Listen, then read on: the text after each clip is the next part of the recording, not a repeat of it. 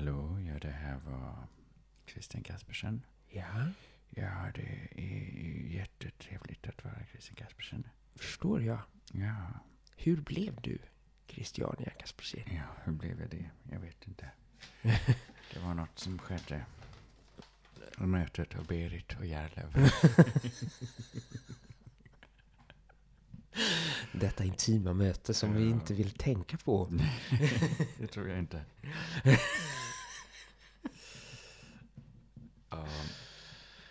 Okej, är vi redo?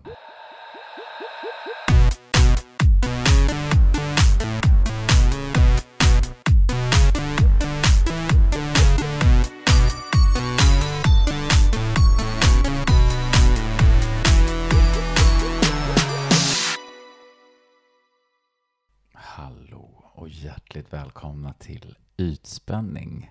Den här podden där vi guppar på ytan men inte räds för att eh, fara ner till havsbotten. Vi går på djupet. Med Nej. ytan. Ja, så klatschigt. Ja, verkligen. Hallå. Hallå, och idag sitter vi med den här lite intimare rösten eftersom vi har ett litet barn som sover här en liten bit härifrån. Ja, Precis, eller försöker sova i alla Ja. fall. Han är en liten eh, buse idag alltså. riktigt buse. Ja. Riktigt buse. Ja. Hur är det med dig? smörj. Eh, jo, det är bra. Vi är lite, vi är lite, lite slätna idag. ja, det måste vi väl ändå få ge uttryck för va? Alltså, ja, nej, vi var ju på Expressens kulturfest igår. Mm. Eh, hur eh, cheesy den låter att säga vi var på Expressens kulturfest igår, men det var vi. Ja, det var ju verkligen och det var ju trevligt. Det var väldigt trevligt och också väldigt märkligt att vara ute bland folk Mm. alltså. Mm. Jag har varit på liksom två. Jag var på en fest i lördags, en release och Mm. en och sen nu på Kulturhuset. Ja, det, det är liksom, det är, det är spännande på något vis ändå. Att man står och pratar liksom med människor ibland som man inte känner och så här, man har inte gjort det så mycket. Nej, precis, men jag tycker ändå man märker att folk är lite ringrostiga ändå. Ja, så är det. alltså. Mm. Det, det är någonting som är, vi snackade om det igår, liksom, det är någonting med energin i rummet som Mm. inte känns som det brukar. Eller är det bara det att man är ovan Mm. att vara i så stora... Jag vet inte vad det är.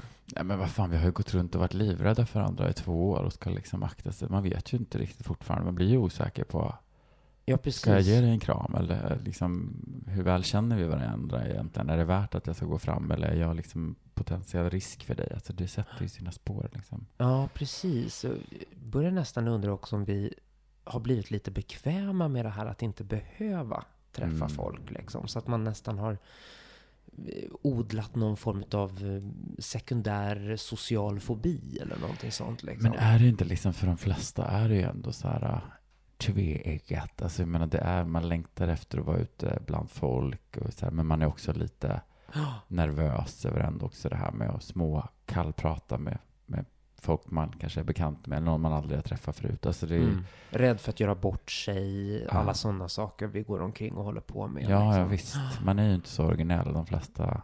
Har ju det där Ja. liksom. Ja. Och jag känner verkligen det. Alltså jag längtar efter liksom, stora fester och samtidigt så här, jag blir alldeles, jag tycker det är Skräckslagen. skitjobbigt liksom innan och precis i början liksom. Ja, exakt. Ja, men det är ju verkligen så. Man tänker så här, åh, hade jag inte bara kunnat tacka nej? Eller så här, Ja. fan vad skönt det hade varit att bara sitta hemma och...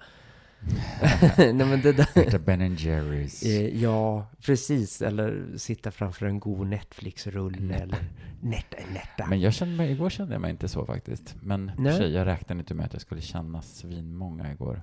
Nej, det är ju lite annat också. Ja, De här ju- branschfesterna. Det, alltså, Mm. grejen är ju att man minglar så man räknar ju inte med att man ska stå och liksom vara intim med någon. Liksom, Nej. eller... Men vi var oerhört intima med varandra. Åh, gud vad intima vi var. Vi stod Nu ska vi inte gå in på det. pressade oss mot varandra hela kvällen. Nej, nej, nej. Utan idag ska vi, vi ska tala om eh, de där eh, två ludna saken som sitter där mellan ögonen och pannan. Det lät ju väldigt suspekt där i början. Den ludna saken som sitter mellan punkt, punkt, punkt. Men vi pratar om... Ögonbryn. Ja, såklart. Såklart denna väldigt omtalade, eh, liksom ögonbrynet har ju de senaste 10-15 året så tror jag aldrig varit i fokus så mycket som det har varit. Det har ju varit en enormt stor trend med att man ska ha fylliga, feta ögonbryn. Under 10-15 år alltså? Ja, absolut. Ja, okej. Ja, jag hoppade ju sent på den trenden, alltså att spara ut mina bryn. Ja.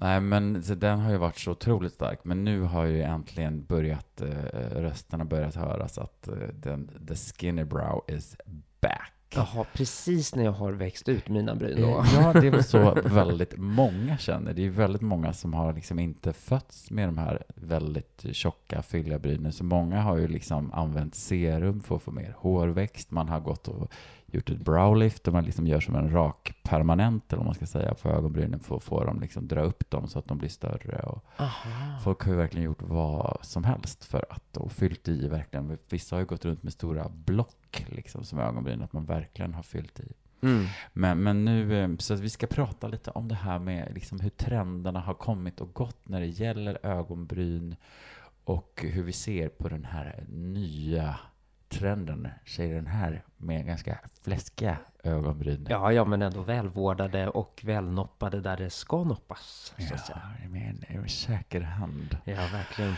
Men senare blir det en liten djupdykning av annat slag. Ja, det blir det. Då, då går vi ner på djupet med ett eh, uråldrigt förhållande mellan homosexuella män och heterosexuella, oftast kvinnor.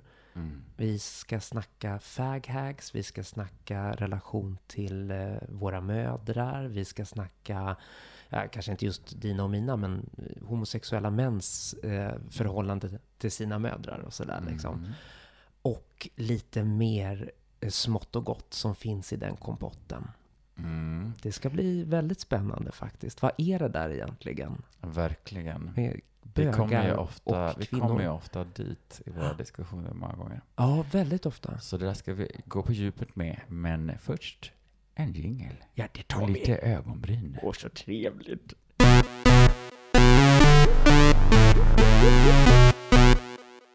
Ja, ögonbryn är alltså temat på dagens ytspaning. Vet du egentligen vad ögonbrynen har för funktion? Alexa Lundberg. Ja, det tror jag mig veta. Det handlar väl om att eh, hålla smuts och små flygfän borta från våra ögon. Det ska liksom filtrera bort Ja, innan det når ögat. svett och vatten och sånt som rinner ner också. Det blir en naturlig eh, Okej. liksom, liten eh, block där. Det är väldigt fiffigt förstås. Som så Naturen. mycket Ja. med människokroppen är så otroligt smart. Mycket. Man blir nästan religiös när man tänker på det. Ja, förutom när man tänker på hår på magen och sådär. Alltså jag menar, eh, som att vi skulle vara eh, alltså någon form av konstig version av apor. Liksom så här, som Mm. har kvar det här liksom att ah, vi har lite hår på bröstet och på armarna och sådär. Men det är ju inte till närmelsevis för att vi ska kunna skyddas från kyla liksom. Så här. Nej, jag vet. Jag, nej, varför har vi ens kvar? Och varför är det vanligare i vissa delar av världen? Ja, precis. Det vad, håller ju ändå inte riktigt någon sån här, man tänker typ att det skulle vara ja, men länder där det är varmare så skulle man ha mindre behåring på kroppen. Mm. Men, men så kan det ju inte alls vara. Man kan ju vara liksom nere vara i arabvärlden och vara liksom superhårig fast han är så här 60 grader i skuggan. Liksom. Nej, men, menar, ja, och, och, pre- precis. Och, och så här här vi uppe är vi ju så fjuniga så. är så släta. Så släta, fast det är vi fall som ska jag. ha de där buskagen lite överallt. Ja, nej men det där, men nu, nu glider vi ifrån det här. fan... Ja, nu Men tar vi... vi, vi är inget annat än smarta apor i alla fall som har behållit eh, Lite lite, hår. hårväxt lite Ja. här och där. Ja. Men eh, ja, alltså har man någon slags, liksom, eh, om man läser om trender av alla dess slag så är ju det sig ganska likt. Pendeln svänger ju förstås. När en sak har varit trendigt länge så tröttnar man på det och så vill man göra något annat. Liksom. Mm, mm. Eh, har kjolarna varit ja, långa så blir de korta och eh, håret och så vidare. Och det är, liksom lite, det är ju samma sak precis med ögonbrynen också.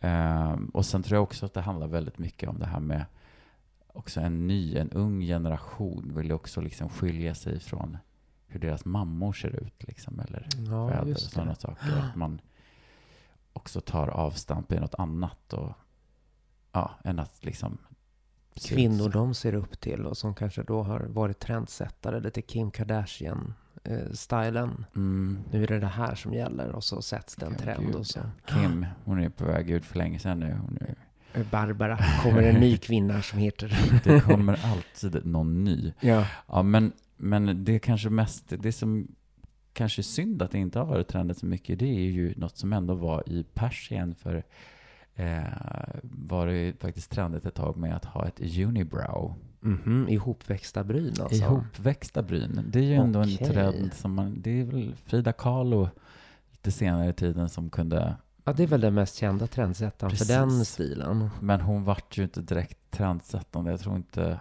att så jättemånga ändå Hon var ju väldigt alternativ redan på sin tid va? verkligen älskar Frida Kahlo. Ja, jag med. Fantastisk. Jaha, har du läst hennes biografi by the way? Nej. Nej, det har kommit ut någon nu. Jag fick den en födelsedag för typ två år sedan eller någonting sånt där. Men den ligger fortfarande på min bokhylla. Jag Mm. måste läsa den, men den är tjock som en tegelsten alltså. Mm.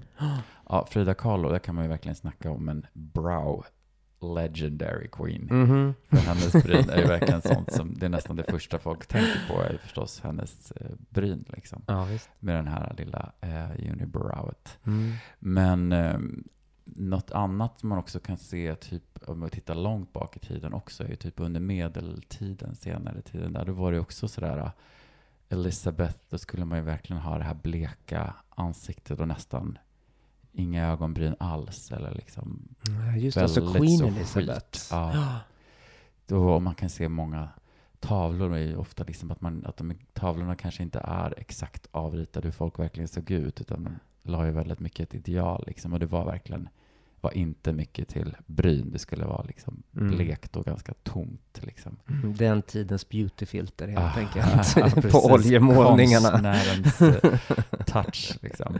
Ja. Men om vi eh, ändå håller oss lite grann närmare i historia, så där för i alla fall hundra år sedan, Mm. så kom ju eh, stum, kom ju filmen, Just det. Och då vill man ju verkligen jobba mycket med uttrycksfulla ögon. Liksom. Och det kan man ju se att när, när ögonen, ögonsmink får väldigt mycket fokus i en trend så brukar oftast ögonbrynen börja försvinna lite grann. Eller att de blir väldigt tunna liksom. Jaha. Men med de här stumfilmerna, man ville liksom ha väldigt så stora uttrycksfulla ögon. Så man får mera space liksom kring ögonen av att ta bort.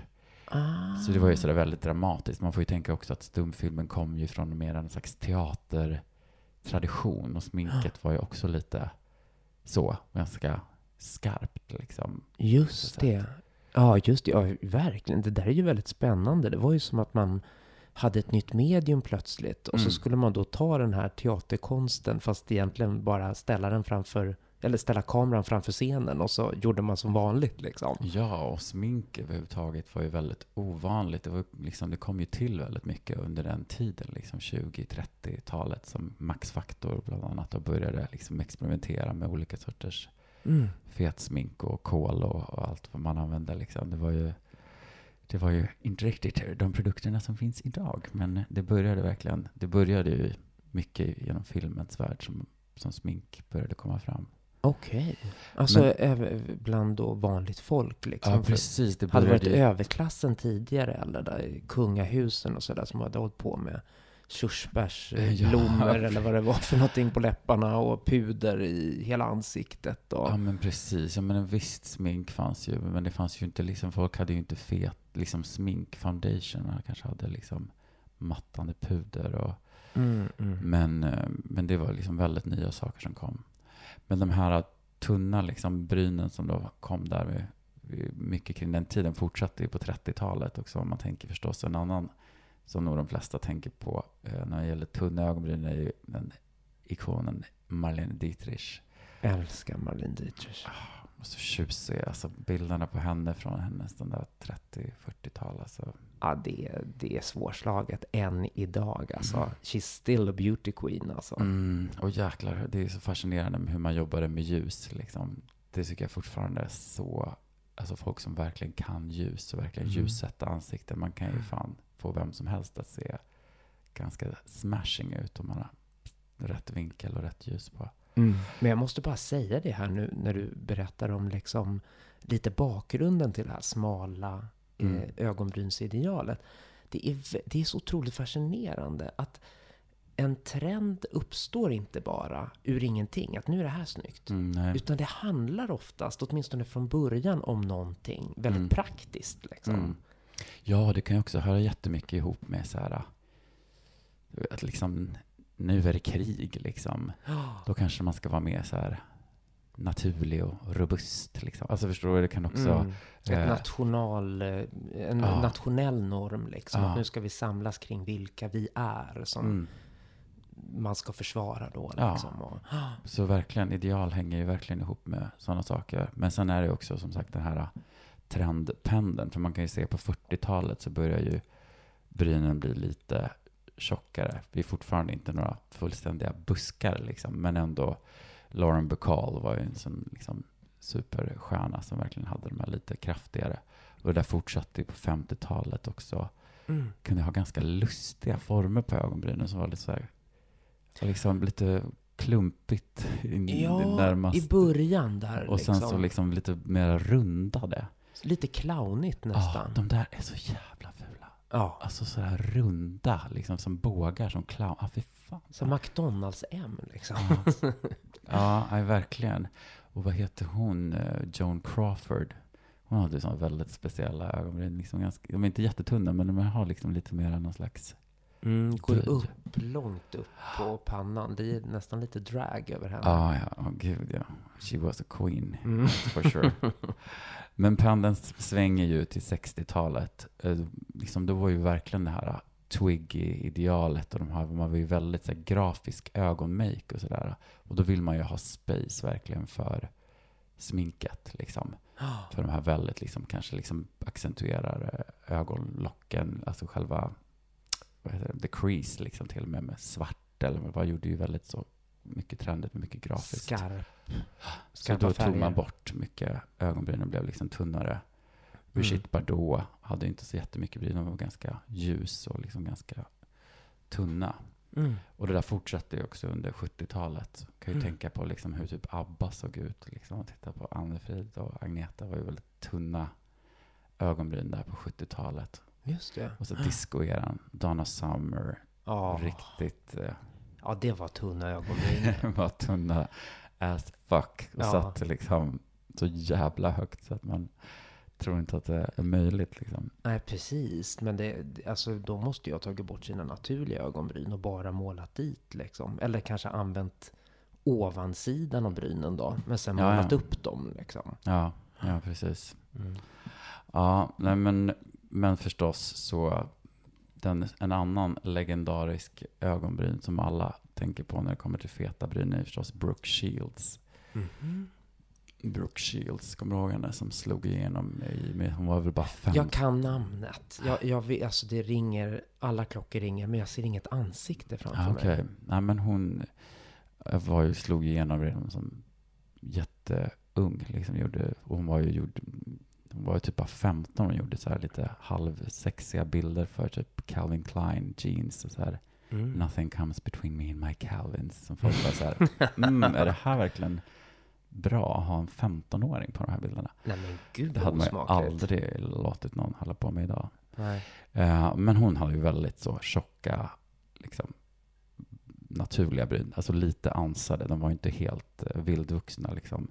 För det börjar man ju se lite längre fram på 80-talet. Om man tänker på Madonna, hur hon har sett ut under olika perioder, så kan man ju verkligen se hennes bryn var ju så att de såg nästan helt, det liksom, de växte överallt liksom. Det var På, på verkligen, 80-talet alltså? ja, början av 80-talet. eh, Okej, så då kom vi tillbaka då till någon form Och så här av 85 liksom, då var det verkligen jätte, ja, jättenaturligt liksom. naturligt och buskigt. Ja, härligt buskigt skulle det vara. Ja men precis, som i porrfilmerna på 80-talet liksom. När det var rediga buskar både här och där liksom.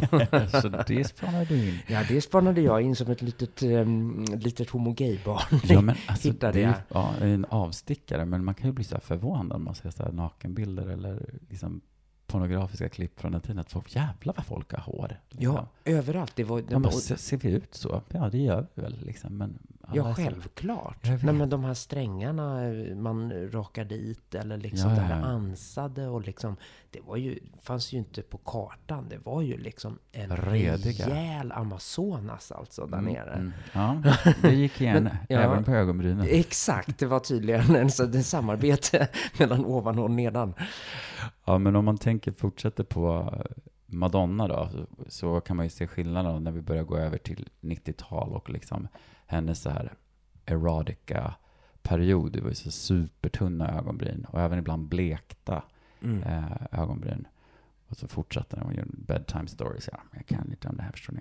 Verkligen. Nej men så där var ju verkligen, där började ju verkligen tunna, nästan inte existerande ögonbryn var coolt. Men Mm. sen det här med blekta ögonbryn, liksom, ibland lyfter de fram så här, nu är det en trend att bleka ögonbrynen, men det är ju nästan ingen som kan ha blekta ögonbryn, förutom på någon så här editorial photoshoot kan det ju se häftigt ut, men Mm. det kan vara svårt att få ihop det till någon slags naturlig vardaglig look. Man blir ju väldigt Ja, urvaskad liksom på något vis. Ja, men precis. Nu börjar jag tänka på, jag kommer inte ihåg när det var, men det kanske var vid den här tiden. Alltså att det var inne att se ut som att man typ var albino. Mm. Det mm. var liksom en skönhetstrend. Jag vet, var Mm. det slutet på 80, början på 90 eller? Mm. Ja, 90. Mer än 90. Mitten på 90 kanske. Ja, okej. För det kommer jag ihåg att alla liksom så här, eh, nästan såg upp lite grann till, till de här modellerna som hade Mm. de här, Och vissa var ju riktiga albinos också. Mm. Vilket mm. man ju har fattat efteråt att det är ju jättehemskt. För det är ju en sjukdom liksom som Mm. kommer med... Ja, lite- massa, förstår, extrem solkänslighet och Ja, ögonsvårigheter kan man ha också. ja nej, men precis. Ja, men, men, Men så, då avundades man det i alla fall. Ja, ja, då tyckte man det var, såg superexotiskt ut liksom. Ja. Men det jag skulle inte säga att det någonsin har blivit en stor trend att folk ska ha liksom helt urblekta ögonbryn för det.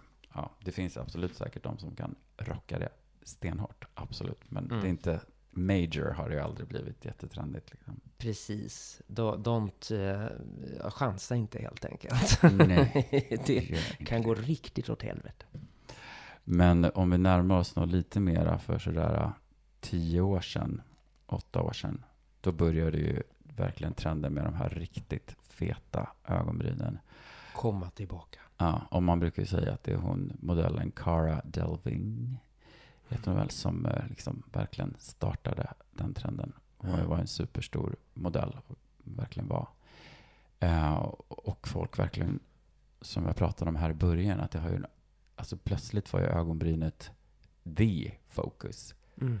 Alltså det har ju nästan aldrig varit så mycket i fokus som det har varit de senaste eh, åren med att folk verkligen har gjort allt för att kunna spara ut tjockare bryn och, och verkligen alla möjliga behandlingar och folk har använt både det är pennor och det är vax och det är skugga och man skulle ha liksom de här Ja, serum var du inne på också ja, förut. för att liksom få mera för många menar ju att de eh, plockade sönder sina ögonbryn på 90-talet och Ja. på 2000 2000-talet för där har vi ju verkligen tidigt 2000-tal. Tänk Christina Aguilera och de här liksom i... Då måste jag ju få, ja precis, då måste jag ju få eh, lägga till min egna erfarenhet där. Mm. För att det, när jag började plocka mina ögonbryn, det var precis, ursäkta, när jag kom ut som eh, transtjej när jag var 17 liksom. Mm. Och det var ju slutet på 90-talet. Eh, och då var det en kompis till mig som plockade mina ögonbryn och visade hur man gjorde och frågade hur vill du ha dem liksom. Mm. Och jag, eh, idealet då, det var ju som tjejerna i den väldigt kvalitativa tv-serien Vita lögner. Oh. hade Petra Hultgren och Mm, just det. gänget. Ehm, eller hon heter, hon heter von der Wort nu eller någonting sånt. Hon har Okej. flyttat till Tyskland och är gift. Uh, jobbar som skådis där. Men det är därför man inte hör så mycket av henne längre. Nej. Men Hon var ju väldigt snygg. Ah, Eller hon är säkert hon är väldigt snygg. Mm. Och, ja, eh, vi sökte scenskolan tillsammans en gång Ja, faktiskt. ja. Första gången jag sökte någonsin. Så jag, ja, skitsamma. Eh, då var, var det i alla fall de ögonbrynen jag ville ha. Då man hö- behöll precis här i början, eh, närmast eh, Näsroten liksom. näsroten, ja. Och sen bara i en ja, vad säger man, att bli smalare och smalare ju längre ut du kommer liksom. Mm. Och så världens tunnaste lilla, lilla sträng längst ut. Längst ut liksom. mot tinningen. Liksom. Ja. Exakt. Eh, Och så har jag alltid noppat mina bryn sen dess. Men när slutade det då? När började även Alexa Lambergia? Ja, men det är alltså nu. Mm. Eh, För kanske två år sedan eller någonting. Mm. Då jag liksom fattade att jaha, så här noppar ingen sina bryn längre. Liksom. Det gick upp väldigt sent för mig. och liksom bara, ja men man kanske ska spara ut dem då. Det är ju skönare också liksom så. Mm. Men det är ju, jag vet inte, folk säger att det är en skröna, men alltså jag har tunnare bryn idag än vad jag hade innan jag började noppa. Ja, men för att jag tycker det där är lite märkligt. För att jag menar, mina ögonbryn skulle nog växa ihop ganska bra om jag inte plockade dem mellan. Och jag menar, det tar ju aldrig slut. Jag fattar inte det där. Försvinner verkligen hårväxten? För att jag menar då... Den ska varför- inte göra det. Nej. Enligt de som jobbar med hårborttagning så bara nej. Det är, Nej. det, det är en omöjlighet liksom. Nej. Men, men jag vet inte om man har kanske förändrat hur de växer då. För att alltså, eh, det vet ju jag som liksom har gjort den här eh, diatermin, epilering, precis. Eh, då man liksom går ner med en liten nål och sprutar in ström i varje hårsäck för att bli av med skäggväxt liksom. Mm. Och det är ju ett väldigt komplext system hur den här roten liksom är långt, eller ja, långt, jo men den är ändå rätt långt under hudytan liksom i sin lilla säck sådär liksom.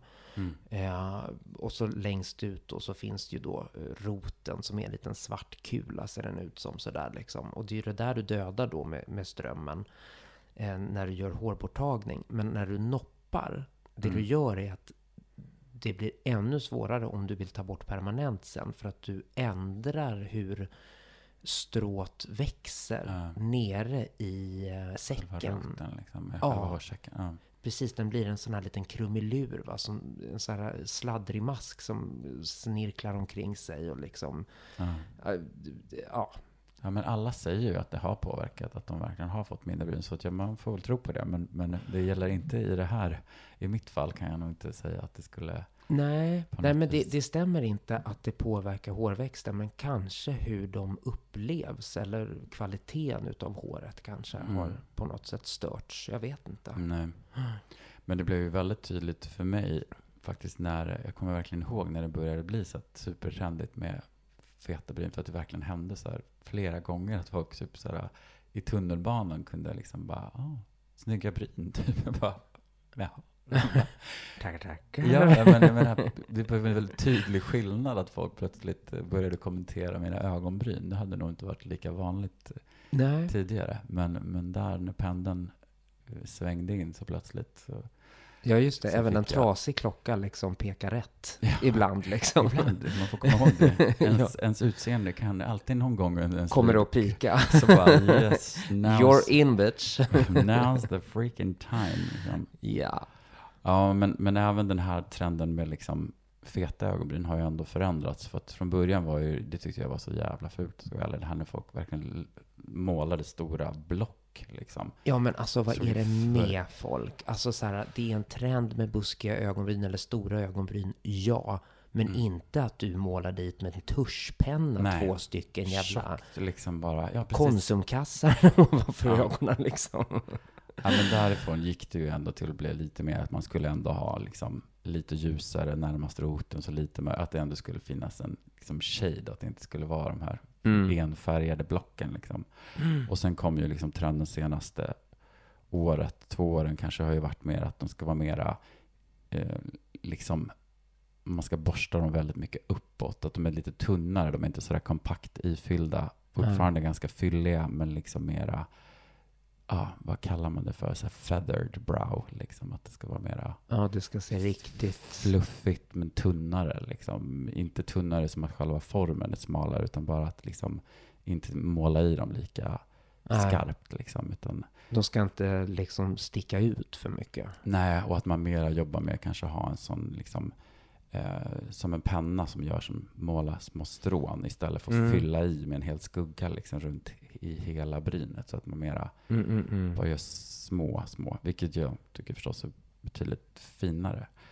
Eh, men, ja, men nu då så är ju alla de Bella Hadid är ju the supermodel eh, of the world. Och hon har ju börjat ha liksom tunnare ögonbryn och Ah, många ja. börjar ha de här liksom, ja, de är fortfarande kanske inte liksom så här helt bisarrt eh, 70-tals eh, tunna. Tunna, de men vi är på väg alltså mot ett tunnare ideal. Igen. Absolut. Ja. Ja, men precis när jag har sparat ut mina jävla bryn. Nu är det bara att börja plocka igen. Nej, åh, vad tradigt.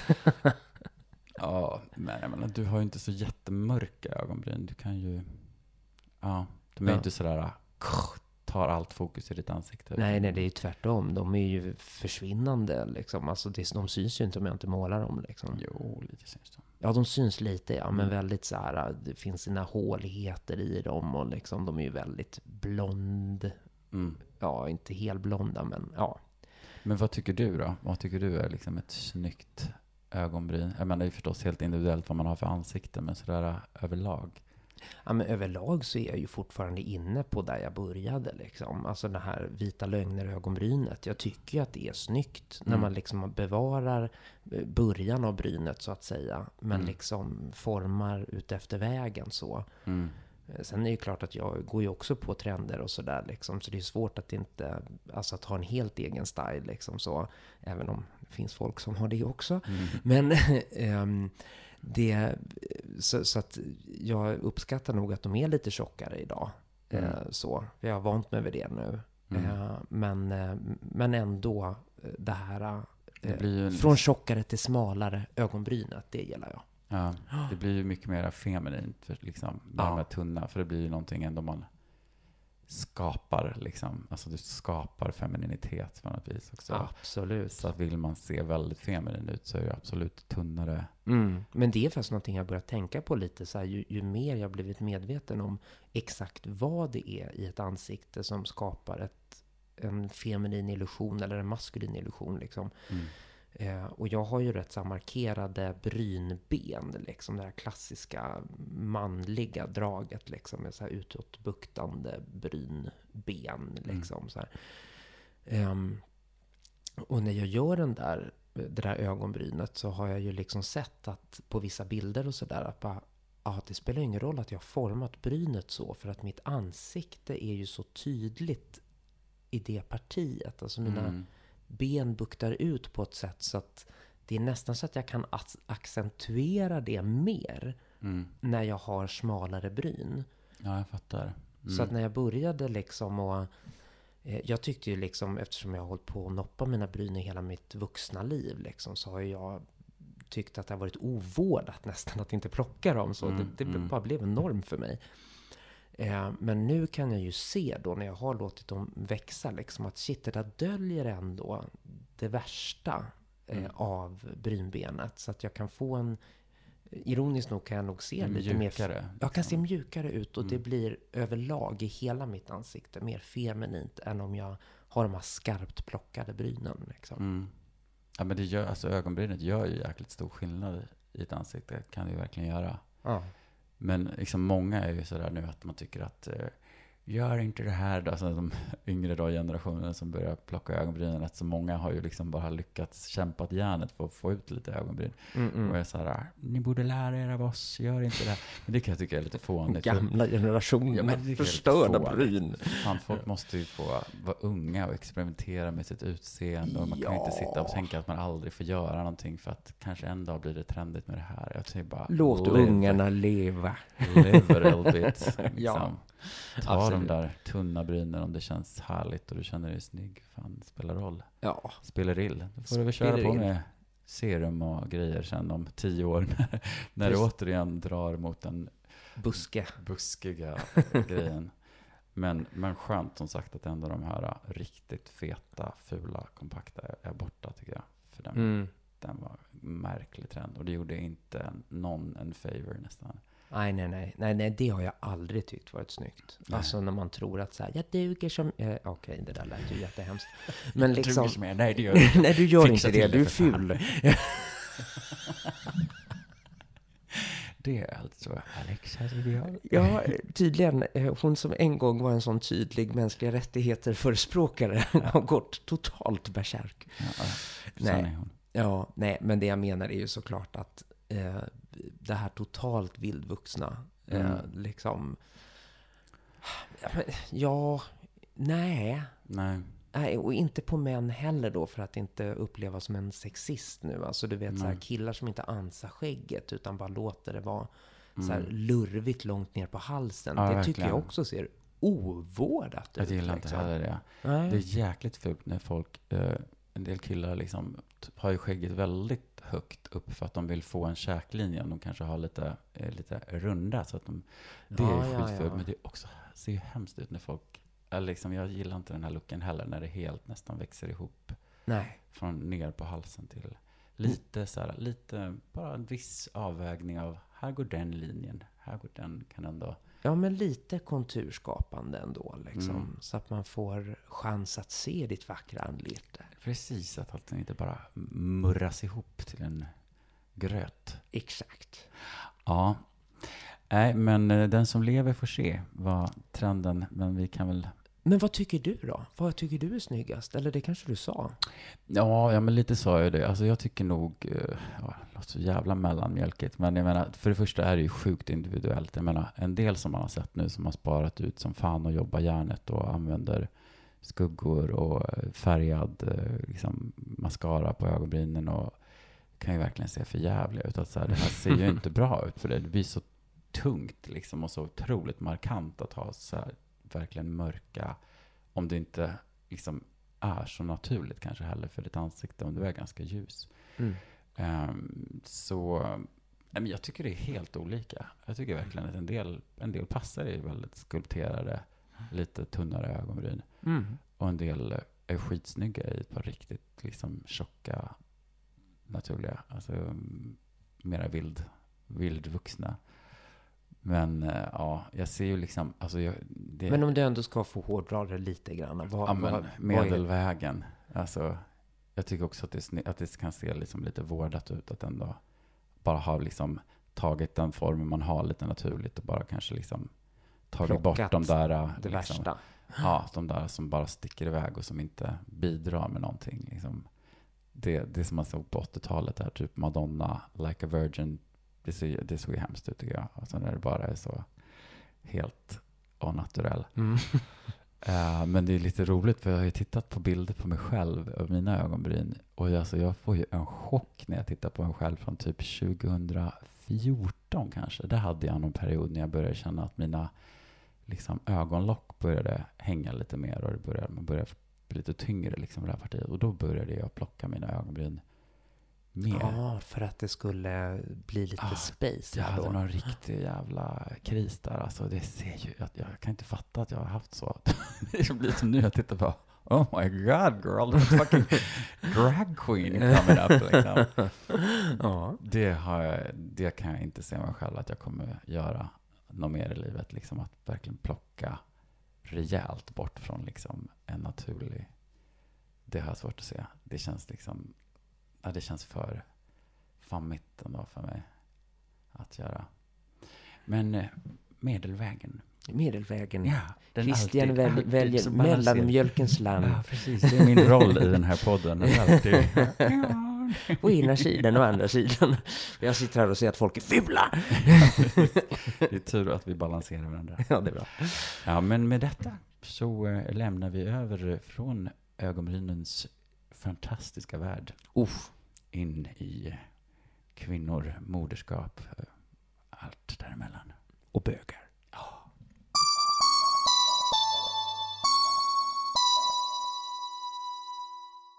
Bögarna och kvinnorna. Vad är det med detta fenomen, Christiania Kaspersen? Exemplen är många på homosexuella män som har det där lilla extra starka bandet till sina mödrar eller till sina far och morföräldrar. Liksom det finns flera exempel på ikoniska kvinnor som Greta Garbo, Sara eh, Leander och Marlene Dietrich, vilka på många sätt har behållit sin ställning tack vare bögarnas aldrig sinande kärlek. Mm. Och begreppet faghag eh, är ju också ett vedertaget begrepp, alltså heterosexuella kvinnor som mest umgås med bögar och troget finns med där i släptåget på gayklubbarna. Däremot så har jag faktiskt aldrig hört talas om det omvända. Alltså heterosexuella män som svansar efter butchflator i haserna. Har du? Nej, det... Nej. En butchstalker? det finns nej, inte. Nej, det är inte vanligt tror jag. Nej, precis. Och då undrar man ju. För då är det ju någonting speciellt här med just bögar och heterokvinnor. Ja, verkligen. Och vad består då det magiska receptet av som skapar det här unika bandet mellan just bögar och heterokvinnor? Med risk för att eh, låta fördomsfulla och att generalisera skiten ur såväl bögar som kvinnor så ska vi nu doppa våra känsliga tår i den här mytomspunna källan bögarna och heterokvinnorna. Och jag tänker att vi börjar väl med bandet till våra mödrar, alltså en homosexuell man och hans mamma. Det är ju liksom en gammal historia man länge har hört. Liksom. Alltså, det fanns ju till och med eh, inom psykologin länge eh, teorier om att homosexualitet som sådant berodde på en alltför dominant mamma då som gjort sin son mm. beroende utav henne. Liksom. Mm. Eh, vad tror du, Christiania Kaspersen? Vad ja, nej, det... är det här med morsorna? Ja, men vad är det här med morsorna? Alltså jag tror ju absolut att det har att göra med att om man växer upp och tidigt känner att ens dragning är till män på något sätt. Att man, så tror jag att man i en slags primitiv förståelse då att jaha, men då kanske jag är mer lik en kvinna. Eller liksom att man drar någon slags koppling på ett väldigt undermedvetet plan. För att jag menar, man är ju inte medveten om vad attraktion eller sexualitet är. Sådär. Men att det finns någon slags eh, mm. eh, någon sån slutsats på något vis. Och det tycker jag man ser ju mycket i, liksom om man tittar på bögar under liksom de här eh, under 30-40-talet och mm. så här att många liksom verkligen tänkte att när man var bög en sån, som är den här som vi har pratat om förut. Just det, såna och riktiga karar var indelningen där. Ja. ja, om man verkligen identifierade sig som bög så var det lätt att man tänkte att man var någon slags kvinna och att många liksom gjorde drag och liksom mm. även då, ja nu pratar vi inte om drag på någon stor scen utan liksom mera transvestit eller liksom ja, hade sådana saker. Så jag tror, ja men, ja, men det kan, måste ju finnas flera olika strängar i det hela. Jag kan ju verkligen komma ihåg liksom själv att jag hade, jag kan minnas som att jag verkligen var sådär, alltså mamma var verkligen mm. the person. Mm. Eh, för mig liksom. Att jag kan komma ihåg, men jag har någon kompis som brukar påminna mig om det, att de brukar fråga, fråga mig när jag var typ så fem, sex år, så här, vem är du kär i? Bara, min mamma och mina katter. Gud vad kärt. Gud vad så kärt. kärt. Ja, men jag kommer ihåg att jag liksom tyckte att allt med mamma var liksom mys och hon luktade gott. Och det var liksom, nej men så här. Men lull. Ja. ja. Ja, men verkligen en eh, betydligt mera, mm. jag kände liksom inte, jag vet inte om det handlar om identifikation, för det var inte så att jag kände att jag identifierade mig rakt med henne på det sättet, men men en trygghet där liksom. Ja. Verkligen. Men det är så spännande också för att det där bandet tror jag ändå att en hel del heterosexuella killar kan ha i väldigt unga år. Mm. Men det som har blivit mytomspunnet är ju att eh, homosexuella män har en väldigt nära relation till sin mamma eh, för resten av livet. Mm. Alltså man går på middagar och dricker vin och liksom man tar hand om sin mamma. Mm. Eh, när hon blir gammal kanske på ett sätt som i stor utsträckning i alla fall än vad kanske heterosexuella män eh, gör och mm. håller kontakten med sin mor. Liksom, så. Mm. Så vad det, är det med heterosexualiteten som gör att det blir, blir konstigt eller då? På ja. något vis med att ha en nära, jag vet ju många, många heterokvinnor tycker ju att det är så här, uh, liksom när män, män som heteromän som har väldigt nära band till sina mödrar. Att ja, lite, lite osexigt. Ja det tycker man ju inte kanske de bögar på samma sätt. Det tycker man ju mer vanligt och naturligt på det viset nästan. Ja, nej men precis. Nej, det är jätteknepigt. Jag har faktiskt inte heller något bra svar på det. Men jag tänker, om jag ska ta fram min analytiska hjärna, att det skulle ju kunna ha att göra med historiskt i alla fall, att homosexuella män inte fick barn.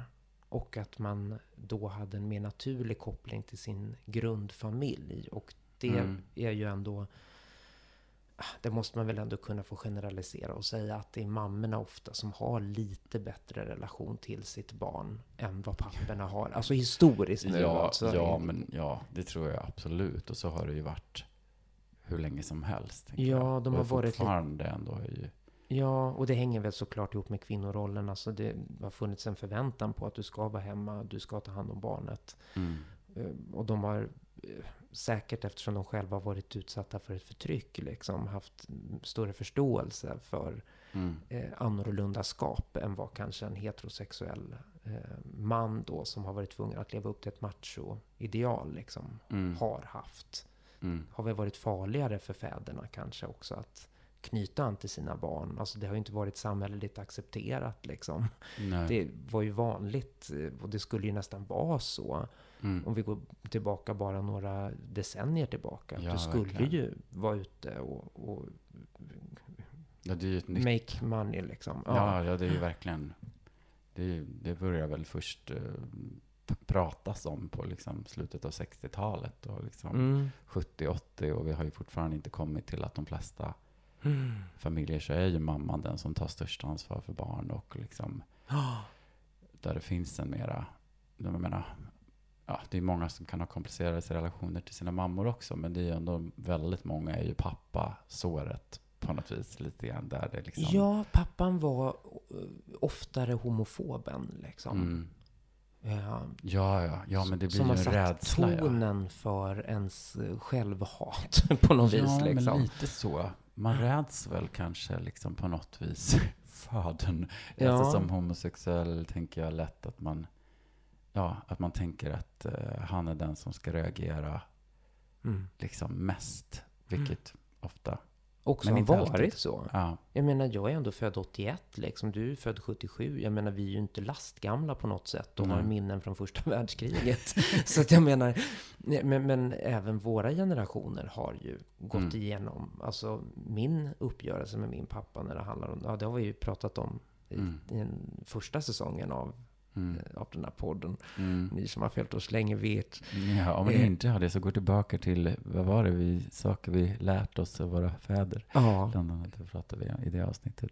Ja, nej men precis. Och där, nej men för där känner jag verkligen att det är min, min alltså, eller där känner jag verkligen, det är, det är ju bara en självklarhet liksom. Mm. Alltså, min pappa var ju homofob och eh, var, var också rädd för homosexuella män eh, för att han hade en eh, egen erfarenhet då av att ha blivit uppraggad av någon eh, snubbe på Eriksdalsbadet som var en så här klassiskt böghak liksom. Fan vad sjukt, för min pappa har ju också en liknande erfarenhet. För han, han för det första har ju inte stött på några.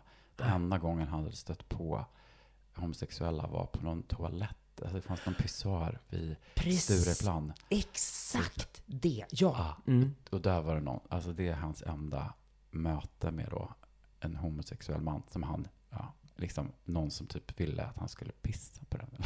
Fruktansvärt. Nej men herregud. Inne på den här pissoaren. Att det var liksom där de perversa hängde. Faktiskt liksom. på riktigt samlades. Ja, Ja. för det sjuka är ju att min pappa varnade ju mig då för Eriksdalsbadet. Eh, där hänger bögarna och de kan eh, stöta på dig och försöka få ligga med dig och sådär. Mm. Så eh, watch out liksom. Och, Mm. och allt med det här var ju bara snuskigt och fult och fel och sådär liksom. Så man, jag var ju på riktigt rädd. Mm. Alltså eftersom, vad kan jag ha varit? 13, 14, 15, alltså när sexualiteten börjar vakna. Mm. Då tog ju han mig åt sidan och verkligen så här äh, skulle få mig att förstå att det här med homosexualitet, Mm. eh, Mm. akta dig alltså. Mm. Eh, och det sjuka var ju att jag var på Eriksdalsbadet en gång med några kompisar och blev mycket riktigt uppraggad. Nej, va? Han hade rätt. Han hade fan, ja, Okej, det var så alltså. Ja, så var det. För det var, en, det var en man då, jag bara gick och frågade, du vet, så jag hittade inte toaletten, så jag bara, du vet, gick där med min lilla tanga-kalsong liksom, typ. Nej men alltså, du vet, så riktigt smala badbrallor. Ja. Men vad hemskt. Och icke ont anande, jag var väl 14-15 år, liksom bara så här, hej, vet du var toaletterna ligger? Och han bara skulle peka ut, och så bara, såg jag någonting ändrades i hans blick och han bara, jag kan visa dig. Och jag bara, åh nej, bara han inte tror. Åh nej, vad jobbigt. Så där var, började ju pappas, eh, Mm. liksom du vet, började verkligen eka i huvudet där. Och så kommer vi in på toaletten och jag ska ställa mig i rännan där då och kissa liksom sådär. Och jag, han ställer sig i ett bås och så viskar han någonting. Och jag bara, förlåt, jag hör inte vad du säger. För han upprepade sig tio miljoner gånger. Jag hörde fortfarande inte för han pratar så lågt. Mm. Och kommer fram och så viskar han jättenära mitt öra så här. Jag kan suga av dig om du vill. Och jag bara, du vet, Öh. 15 år och det här kan ha varit en 35-40-årig man liksom. Så här, jag tyckte det var så vidrig upplevelse liksom. Nej, fy vad hemskt. Ja, så jag var ju, jag vågade ju inte kissa sen för att jag blev ju, du vet, jag var lite Så du kissade i poolen? Jag kissade i poolen istället, det var tryggare. Nej, men sen då när jag kom hem, då var jag i upplösningstillstånd och bara så här, åh det här var så läskigt och sådär liksom. Och pappa satt och tröstade mig och bara, ja, nu vet du Alexa. Sådana där är de, bögarna liksom. Och jag bara, jag gillar inte dem. du vet sådär. Ja. Ja. Nej, vad hemskt att det blir Ja. slutsatsen. Ja, det blev slutsatsen för Ja, två sekunder. För Ja. sen kom jag ju på Rickard Wolff ju bög. Och det var ju min stora idol. Mm. Och då, då vände jag liksom efter ett tag och bara så här, nej men nej vänta, nej det där är nog, nej så tycker jag faktiskt inte liksom sådär. Och, och då kom ju hela den här grejen att farsan liksom bara eh, skulle få mig att förstå att det var onaturligt, att det var liksom, det var det här eh, som jag berättat någon gång liksom om att så här, akta dig, skulle du ha analsex, då måste du ha blöjor för resten av livet. Och, ja, du vet sådana där grejer Ja. liksom. Det är bara stört. Mm. Men eh, ja, Men om man tänker, att jag tänker liksom att, att vara man, kille tar ju så otroligt mycket avstamp och har gjort och ändå fortfarande till del att inte vara bög. mm. Det är ju en sån central del i Ja. Så det är klart att, liksom, att det blir svårt för den som växer upp och bara, jag är nog bög. Alltså att man inte kanske, att det ändå skapar kanske en viss Mm. distans då till den man tror kanske är den som mest skulle döma en. Ja, just det, Eh, som också. pappan då. Ja. Mm. Och att man lättare på något vis, kvinnorna känns Ja, vänligare. ja, nej men precis, ja men verkligen. För så har jag också upplevt, i alla fall under min uppväxt, att det var så. Liksom, Mm. Att mamma var den som inte tyckte att det var fel. Eller liksom. Mm. Så hon var väl inte någon så här homo... Ivrare. Nej, nej precis. Hon tyckte nog, eller hon sa det vid något tillfälle, att hon tyckte att det var onormalt. Men att det kan ju vissa saker vara liksom sådär. Mm. Alltså idag är min mamma hbtq-aktivist. Så Ja, att jag menar, ja. hon ångrar ju bittert. Jo, men, jo, alltså vi är alla barn av vår tid. Mm. Eh, hon är ändå född på 50-talet liksom. Eh, men eh, det var ju en väldigt markant skillnad mellan mor och far. Mm. Mamma var öppen. Eh, om man ska gå tillbaka till barndomen så vi lekte servitriser. Vi hette typ Doris och Cindy. Nej men alltså du vet sådär Mm. liksom. Och vi pratade om våra män som var så dumma mot oss och sådär liksom. Och mamma bara spelade med liksom. Man bara, ja, så här kan det vara liksom så. Fint. Ja, väldigt fint. Men Mm. så det, av den, eh, min egna personliga erfarenhet är ju att det är ju inte alls konstigt att jag har en närmare relation med min mamma än med min Nej, pappa. nej, samma här. Men jag tänker typ att när man var barn, vilket många ett bögar jag känner, tycker att man oftast har funnits en någon kvinna, någon släkting eller någon vän till familjen. Någon som har varit lite mer sådär glamorös eller lite mer Mm. outgoing som man har liksom fastnat lite för. Ja. kan, du, kan du se att det har funnits någon sån eh, som du fastnade för någonting? Ja, ja, du menar alltså någon utanför familjen? Alltså någon eller en släkt, nej, eller, eller jag tänker typ en släkting eller liksom en, någon vän till familjen, typ sådär. Att man, Ja, jag menar, ja, jag kan ja, minnas, ja. jag kan inte komma på en exakt person, men ändå så här kvinnor som var lite så här, som hade lite mer smink och var lite Ja. mer flärdfulla och som kanske rökte lite mentolcigg, lite nonchalant och ja. hade lite mycket parfym. Alltså sådana saker som inte Absolut. min mamma hade alls. Liksom inte, Nej. liksom. Nej, men jag är ju, alltså jag är ju en klassisk bög där. Alltså du vet, jag har ju alltid sett upp till kvinnor. Mm. Nu sitter jag här med en egen G-kupa, så det är väl det största beviset på min liksom dedication. Indeed. Indeed girl. You go all the way. no barriers here. Eh, nej men det är verkligen alltså, Eh, jag älskade ju min fröken Monica till exempel. Hon Mm. med sin blå ögonskugga. Oh, hello 80s. Ja, hello 80s och sin så här korta eh, k- kvinnofrisyr som var så inne på den tiden. Liksom, så här, eh, ändå feminint men kort. Liksom, Mm. så där, som typ Molly i eh, i- Ghost. Ah, ja, mm. Demi Moore där ja. Ah. Ja, precis. Eh, ja, jag, var, ju- jag såg upp enormt mycket till, till henne, till Monica. Mm. Eh, och det fanns många sådana kvinnor. Alltså jag såg även upp till äldre kvinnor när man började mellanstadiet och fick liksom Berit då som snart skulle gå i pension liksom. Så tyckte jag att då var ju hon den här barska lärarinnan liksom. Och det gillade jag också. Alltså du Mm. vet så här. eh, Jag har alltid sett upp till en, olika typer utav, av här, olika kvinnotyper liksom. Mm. Men sen tänker jag överlag att så här, om jag tänker tillbaka, och i och för sig även ganska mycket nu, att liksom eh, det var ju mycket mer, man samtalade ju mera med liksom kvinnorna. Alltså män kanske var så här, liksom, jaha, går det bra i, i skolan? då?" Alltså det var liksom, Ja, ja. men kvinnor kanske, att det var lättare att ändå så här, Mm. vara mer nyfikna och liksom skapade relation på ett lite mera, på ett annat sätt. ja. En män. Än ja. av min erfarenhet och ganska Ja, och precis. Och du har ju en väldigt barsk far. Eller en sån här äh, äldre Ja. generations man. en riktig arbetarman och jägare och Just det. mm, motorcyklar och Ja, mm, min farsa också. Motorcyklar. mm, Mm. alla liksom maskulinitetsgrejer bara check, check, check. Vi har ju också då det där som vi var inne lite på i början. Att ehm, homosexuella män ofta har skapat ikoner av kvinnor. Mm, Ja, jag tänker till exempel på Sara Leander då. Eh, det finns ju en bok till och med som heter Bögarnas Sara som Mm. Tina Rosenberg har skrivit. Eh, är det här en förlängning av moderskärleken eller är det en önskan att få vara en kvinna? Ja, Så de man beundrar. för jag tänker att det är ju ändå en ganska annan typ av kvinna som ofta är den som blir liksom idealiserad på något vis många gånger. Ja, Dels har vi i och för sig det ena stråket, det är ju de här liksom väldigt utlevande, lite tragiska, liksom Judy Garland, Edith Piaf, liksom. Just Som det. har varit för många av, av den, den generationen de liksom, som levde Mm. då. Men sen har vi också mycket, liksom, som då för mig och många som liksom är uppvuxna på 80-90-talet, att man liksom, Madonna var ju liksom en Ja. sån bögikon och var ju absolut för mig en sån liksom Ja, ja, ja. hennes liksom så här, liksom ändå väldigt så här kompromisslöshet liksom och Mm. lekfulla sätt och liksom så här power och, och snygg och liksom, alltså det var ju någonting.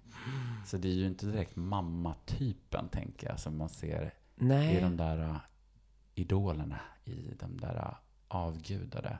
Ja, alltså med risk för att psykologisera det här lite för mycket. Men jag kan liksom tänka att om första kärleken är mamma Mm. så blir man ju sen vuxen eller eh, tonåring i alla fall och, och, och liksom börjar ju bli kär och sådär liksom. Mm. Och en bög blir ju av naturliga orsaker inte kär i tjejer. Nej. Men det här är ju en platonisk kärlek på något Mm. vis. Är det något sånt? Att man går från mamma till, eh, missförstå mig rätt, partner fast man inte är intresserad sexuellt? Hmm. Äh, Är det så? Jag tänker att det nästan ändå mer den man typ Vill vara. man vill vara mer, även om man Ja. inte liksom jag vill bli kvinna och är trans, utan bara att det är någonting mer att det är så där, Mm. där hade jag velat vara, eller liksom. något Den där som- rollen vill jag också få iklä mig. Liksom. Ja, men lite så. Beundrande, trånande blickar. Ja, ja, ja. Ja, men det har vi ju nämnt förut, att liksom, det var en sån sak som jag tyckte, att jag kan minnas att jag tyckte var så hemskt med att vara född kille, för jag ville ju, jag ville ju bli, jag ville vara den beundrade, den eh, liksom Mm. objektifierade då, på vissa sätt. Ja, Att absolut. det, och det fanns inte alls i, i mansrollen liksom, på det sättet. Nej. Så att, eh, ja. Precis, och sen finns ju också den här aspekten. Madonna var ju, alltså under aids-tiden var ju hon en stor eh, hbtq-aktivist. Ja, verkligen. Hon har ju verkligen varit supertidig. Hon hade ju många vänner eh, som dog i aids och sådär, så hon var ju väldigt tidigt engagerad. Mm. Keith Haring var ju hennes vän, den konstnären som dog tidigt i... I aids. Så var ju, jag menar, jag minns jag såg In Bed With Madonna, då var jag väl 12-13 år Mm. när den kom. Och det var ju liksom, alltså det var så här, vi skulle gå på bio Mm. eh, och jag kom inte in på den filmen för att de tyckte att jag såg för ung ut fast jag var med eh, folk som var, ja det var 15-årsgränsen och sånt där. Ah, så att ja, jag ja. fick gå på, på en bed med Madonna själv. Oh. Och där var det liksom, jag bara, oh my god, jag tyckte det var så jäkla fantastiskt. ja. Eh, ja, det är ju en, eh, det är en bögklassiker alltså. In bed with Madonna. Ja, fantastisk. Och hon är ju så jävla rolig där och är också ganska, hon är ju fräck och ganska osympatisk ibland. Och hon är liksom, Jo, skämtar om liksom. men hon står ju också upp mot sexualitetsförtrycket. Ja, ja, verkligen. Det måste ju någonstans ha gått hand i hand då med när homosexualitet eh, inte rimmade med heteromoralen. Liksom. För när hon då gjorde upp med heteromoralen, även om som heterosexuell kvinna, Mm. så måste ju det ha tangerat en sträng även om hon Ja, är ja. amoralisk.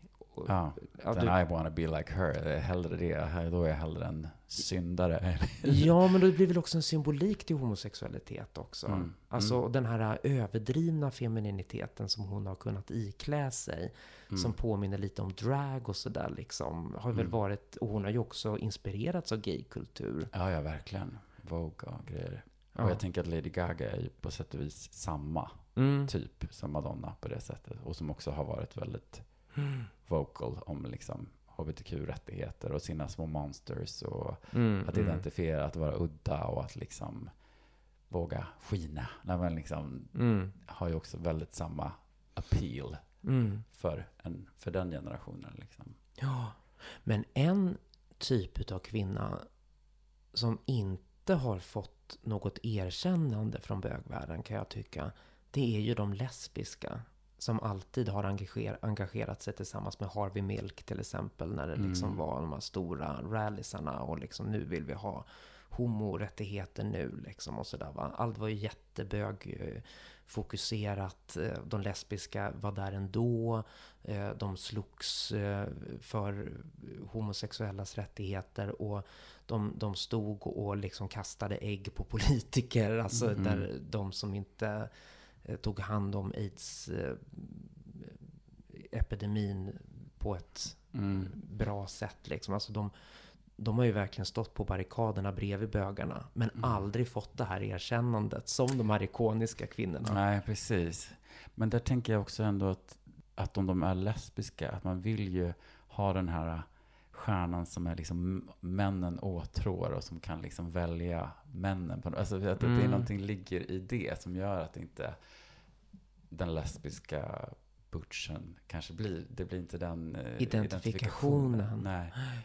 För att det är de där eh, åtråvärda kvinnorna många gånger som ändå Ja, och som men, är lite eller de här o- tragiska ibland också, att folk liksom Mm. Har berörts av liksom, och så här Lady Di har väl också varit någon sån här som många bögar har liksom fascinerats av. Och, Mm, just det, ja men det är ju faktiskt sant. Eh, det, de har slagits mot någonting, de här Mm. kvinnorna. Sara Leander, Malin Dietrich, eh, Greta Garbo. Hon var i och för sig lesbisk, men... Mhm. ja, bisexuell i alla fall. Ja, bisexuell. Mm. Nej men precis, men visst finns det också någonting i det här som är att, alltså i en tid då man går till de här lite tidigare ikonerna, som till exempel eh, men Sara Leander. Mm. Eh, jag har tyckt mig läsa någon sån text. Eh, men att i en tid när homosexualitet mm, var kriminaliserat eh, och sen då sjukdomsstämplat, alltså det var en sån skam att vara homosexuell, så kunde man ju inte ha homorepresentation. Nej. Men att de Nej. här kvinnorna liksom blev drömmen om någonting annat. De var over the top. De var alltid lite så här sassy och de liksom bet tillbaka mot Mm. det här normativet då som man kände igen som samhället. Så Verkligen. liksom. Där har vi en jätteviktig grej. Ja. Ja. Rent historiskt, ja, varför? För det har inte kunnat vara någon som bara... Men sen tänker jag att det liksom inte nödvändigtvis alltid heller går hand i hand idag. Att det Nej. måste vara den som propagerar mest för hbtq-rättigheter som blir Det kan liksom till och med... föremålet. eh, det kan ju kännas lite som en så här, bara flört till liksom, och då blir det inte lika spännande kanske. Mm. Nej, precis. När det, när det är för uttalat, jag är på er sida, så bara, "Ah, ja, men då har vi dig. Mm. Man vill kunna drömma, liksom. Det ska vara Mm. ouppnåeligt. Mm, ja, men verkligen. Och där finns väl någonting då. Det är väl ändå många av de här kvinnorna som förstås är rätt ouppnåeliga i, i sin ställning och i sitt kändisskap och någonting. Men det är det där beundrandet på avstånd. Mm. Men Judy Garland var ju ganska, hon var ju också ändå för sin tid ändå. Jag menar, det var inte så att hon gick ut och höll intervjuer om att eh, it's fabulous to be gay. Men jag har ändå förstått att hon liksom gjorde ju saker för gays och visste att hon liksom eh, hade en publik där och att hon ändå var väldigt fin. Mm. Jag såg den här filmen med Renee Zellweger spela Judy Garland. Ja, ja, ja, den har ju fått lite ljumt mottagande. Är den ja, bra? jag tyckte den var bra. Jag tyckte hon var riktigt bra. Man Mm. kände verkligen igen Judy Garland. Jag, jag har inte sett så jättemycket med, henne, men, men ändå hennes maner och sådär. Men ändå inte att det kändes, det kändes äkta liksom. Sen är det svårt att hon ska sjunga. Hon sjunger ju själv liksom. Och det, ja, det är svårt att liksom kunna sjunga som Judy Garland. Det, den är omöjlig liksom. Ja, det låter ju väldigt svårt. Mm. Det, sjunger hon ens, Renée Mm. Zellweger? Ja, hon sjunger ju i, i Chicago också. Ah, i- men hon sjunger bra, eller? Ja, liksom. Skådis. Ja, skådis bra. Ja, skådis bra. Ja, Vilket förakt. Vilket förakt. Det är så många skådisar sjunger ju liksom, ja de har lärt sig att hantera sin röst men de kan liksom ändå leverera någonting uttrycksmässigt men kanske inte har fantastisk klang och timbre. Mm. Timbre. Timbre. Åh, ja, den här... Oh. Och det, det sa fast min röstlärare på scenskolan eh, till mig när jag var så ledsen över att jag hade så mörk röst. Jag ville ju låta... hund- Som en liten tjej. Som en jättegullig liten tjej. Då sa han så här. Släpp lös de eh, mörka tonerna, då hör vi din ljusa timbre. Mhm. Ja, lyssna på Bertil. Ja, älskar Bertil. Eh, ja, okej. Men det här med faghags då måste vi hinna med innan vi avrundar. Eh, varför är det en grej? Eh, vi har ju för sig nämnt tusen grejer här nu som skulle Mm. kunna appliceras även på faghags. Men om vi tar det explicit. Vi kan ju Mm. också börja med varför finns det inga butch-stalkers? Mm. Ja, det måste man ju säga måste vara otroligt ovanligt i alla fall. Ja, alltså heterosexuella killar då. Som bara, åh fan vad coolt liksom. Så här, lesbiska, åh de är maskulina, åh vi känner igen oss lite grann i varandra. Och, Kom killen, tjejerna. Nej, nej, det ser man inte. Nej. Men jag vet inte, jag tänker att det finns någon slags liksom jag menar, jag kan ju minnas när man var yngre och började, att man hade, att det kanske fanns mer en sån typ av fag-hag-relation till Mm. vissa. Som man hade som liksom Mm. eh, var ute mera och sådär. Att det fanns någon slags grej. Det kan jag inte uppleva att jag liksom har idag. Att jag känner att jag har liksom, Nej, tjejer på det sättet. nej. Just det, för det kommer ifrån att tjejer, kvinnor var förkläden för bögar. Alltså att man, eh, man kunde Jaha. alltid luta sig mot att det var ens partner. Eller liksom att det var en heterosexuell Ja, ja, jag vet inte. Alltså om vi pratar för...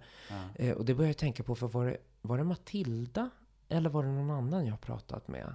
Eh, som var i typ Ryssland eller någonting sånt där. Det är Matilda som har gästat podden. kan man gå in och lyssna på. Ja, det kan man också gå in och lyssna på. Det här kan också ha varit en regissör som gjorde research i Polen eller någonstans. Men i alla fall eh, en, en kontext där det är jobbigt att vara bög helt enkelt. Och då på gayklubbarna så hade eh, de flesta männen, alltså det var ju uttalat där i en bögklubb, så man visste att de var bögar. Mm. Men det var ändå så att de hade med sig tjejer som de liksom tuppade sig inför. Liksom. Alltså för att det var någonting de själva genomgick. Mhm. Som var liksom att de förlorade manlighet genom att helt ge sig hän. Det här låter jättekonstigt men det, det ehm, enligt henne så var det så här i alla fall. Mhm. Jag tror till och med att jag vet nu vem det är, men jag behöver inte säga, ja Mm. skitsamma.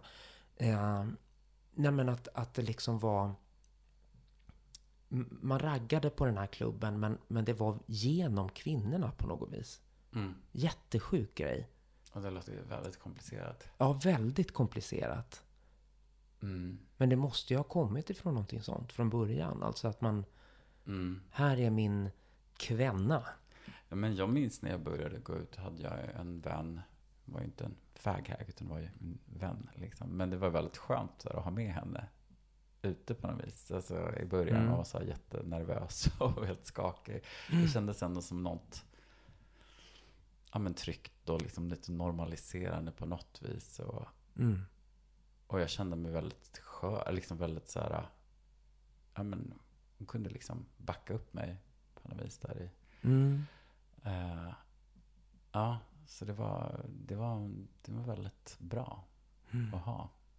Ja, jag hade ju definitivt faghags alltså. Jag, Mm. och jag hade ju ingen som helst aning om att jag kanske begärde för mycket av dem. Liksom. Utan bara kom, vi hänger på Pride, jättekul. Jag, typ efter två Pride då med min tjejkompis, hon bara Men Alex, du minglar ju bara och pratar med andra. Jag får ju bara hänga efter dig. Va? Jag sa, vad säger Nej men du jag hade inte ens tänkt tanken. Nej. Men det var ju så. Ja. Mm.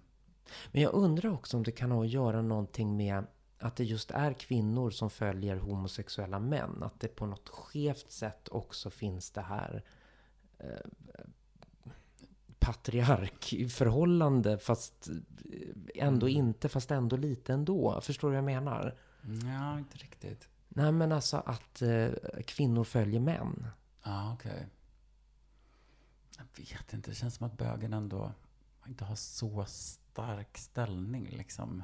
Nej, nej, men om det inte är någon heteromän involved så är han den enda mannen i rummet. Ja, precis. ja, kanske. Men jag minns ju väldigt mycket att, att det var ju väldigt så här, eh, många tjejer tyckte att det var väldigt härligt att gå på gayklubb. För att det var ju oftast killar började prata med dem snarare och sen med mig. Mm. Alltså, liksom Ja, just det, här, ah, förklädet där. Ja, förklädet. Mm. Ja. Och hon, de tjejerna fick känna sig så här, wow, fan vad du är snygg och bla bla bla. Så började de prata och sen så, Mm. Och de kände inte med. heller det här liksom att nu eh, kommer jag bli uppraggad eller tafsad på eller någonting. nej utan, precis. Och det tycker ju många är väldigt, väldigt skönt. Mm. Verkligen. Mm. Och det har man ju inte själv upplevt så mycket. Alltså den grejen som många hetero tjejer är med om. Att verkligen det jobbiga är att liksom ändå hela tiden uppleva sig själv som att man går runt och folk visslar eller reagerar och tallar och Mm. eh, liksom, ja, objektifierar på ett sätt som känns oskönt. Liksom. Mm. Så, men, men, men i gayvärlden så eh, tycker jag oftast att liksom, det finns ju också det finns ju en anledning att eh, många heterokvinnor i liksom, hbtq-världen eh, känner sig väldigt uppskattade också. Mm. Och känner sig härliga och fria och här kan man släppa lös. Och kanske också känt sig lite udda och kan känna någon slags samhörighet med, Ja, med the outcast. precis. Alltså det, det är nog fast min huvudtake på det här också. Mm. Eh, det kan, kan ju, som du säger, liksom att det finns säkert en stor soppa av olika anledningar. Men, men eh, relationen mellan kvinnor och bögar tror jag i sin grund springer ur att vi båda har varit förtryckta av samma anledning, fast på olika sätt såklart då. Ja. Absolut. Mm. Mm. Och där har ju liksom, vi har haft olika, eh, alltså på den tiden när, när det var så här otroligt äcklighetsstämplat liksom att vara bög, då, då har ju det varit enormt eh, bekräftande att en heterosexuell kvinna som ändå passerar eh, som normal i samhället har kunnat ta ställning för en sådär Ja, liksom. Det har varit väldigt stärkande. Mm. Ja, även om hon har varit förtryckt på andra sätt så har hon ändå haft en, en normaliserande roll liksom i att hon uppfattas som normal för sitt kön, om du förstår vad jag Mm, menar. mm. Men gud, hur många liksom, eh, kvinnor har man ändå inte hört dra den där klassiken? Alltså, jag är en bög i en kvinnas kropp. Liksom. att många eh, som, liksom, som, som trivs ofta känner sig lite mer som, Mm. som en bög. Kanske är liksom mera utlevande sexuellt och liksom tar Mm. för sig lite mer och är högljudd och liksom vågar liksom vara annorlunda på något sätt. Att man känner att de trivs Mm. i, i, I vårt gäng. i vårt, kom med i vårt glada gäng. I vårt glada homogay-gäng. Det där tycker jag är så himla lustig grej. För det, det måste ju funnits kanske mera liksom för länge sedan. Men inte ens när jag kommer till jag har någonsin upplevt att det kanske har funnits någon så här jättestark samhörighet i så här, välkommen i vårt glada gäng. Alltså jag menar, eh, hbtq-världen är ju en samling av individer. Det är inte så jättemycket det här kollektiva välkommen till oss-grejen. Nej, nej, nej, men det kan jag hålla med om samtidigt som jag ändå tycker att eh, det är en jädrans skillnad på en straight-klubb och en gay-klubb. Mm, På en ja. gayklubb är det ju glada slagers. Eh, eh, det, är- Nej, det är någon alltså, jag- känsla av frihet på Ja, ett ja, annat ja. sätt. Nej men alltså jag går inte på straighta klubbar. Nej, det är så vansinnigt tråkigt. Om det inte är en sunkpub och man bara ska dricka öl. men det är en annan sak. Det är något helt annat. Men alltså, för det första såklart att man gärna vill att det finns någon möjlighet till flört och liksom möta människor. Men att gå runt och bli full på en straight klubb med massa straight. Nej, Nej, gud vad tråkigt. så himla Ja, det stryker vi direkt. Verkligen. Hörru du, vi har snackat eh, över tiden. Det har vi. Det är dags att avrunda, men innan dess så glömde vi ett tips i ytspaningen som Ja, men- kommer nu, Christiania Kaspersen. Ja, Take för it away. självklart kommer ytspänning med några små tips. Om nu gäller det ju ögonbryn och Mm. eh, några tried and true products som kan vara bra. Eh, en pincett som man kan vara värd att investera i är faktiskt de från Anastasia Beverly Hills. Mhm. Eh, Varför just en pincett från Anastasia Beverly Hills? Därför att de håller fucking forever. Alla andra pincetter som jag någonsin har köpt liksom börjar bli tröga och sega. Jag köpte för många år sedan och de sa det, köp den här, det kostar liksom några hundralappar mer, men jag lovar den här kommer du kunna ha liksom for a lifetime. Och man bara, ja, ja, säkert, men okej. But it is, alltså det är skitbra kvalitet. Okej. Riktigt bra. Så lägg några extra hundralappar om du kan, om du är ute efter en, en pincett. Det är grymt. Sen ett annat bra tips som jag nyligen upptäckte är eh, en brow gel eh, som håller ögonen verkligen väldigt bra på plats. Det är Control Freak från NYX, NYX. Eh, den kostar 99 kronor. Control Freak, den verkligen håller dem på plats som fan. Och jag som har ganska Buskiga. buskiga ögonbryn, jag behöver något som är rätt hårt för att det ska liksom inte... Så att den, den är verkligen väl värd en liten att köpa. Mm. Om man har lite eh, liksom större. Ja. Har man inte det så kan jag rekommendera Glossiers Boy Brow.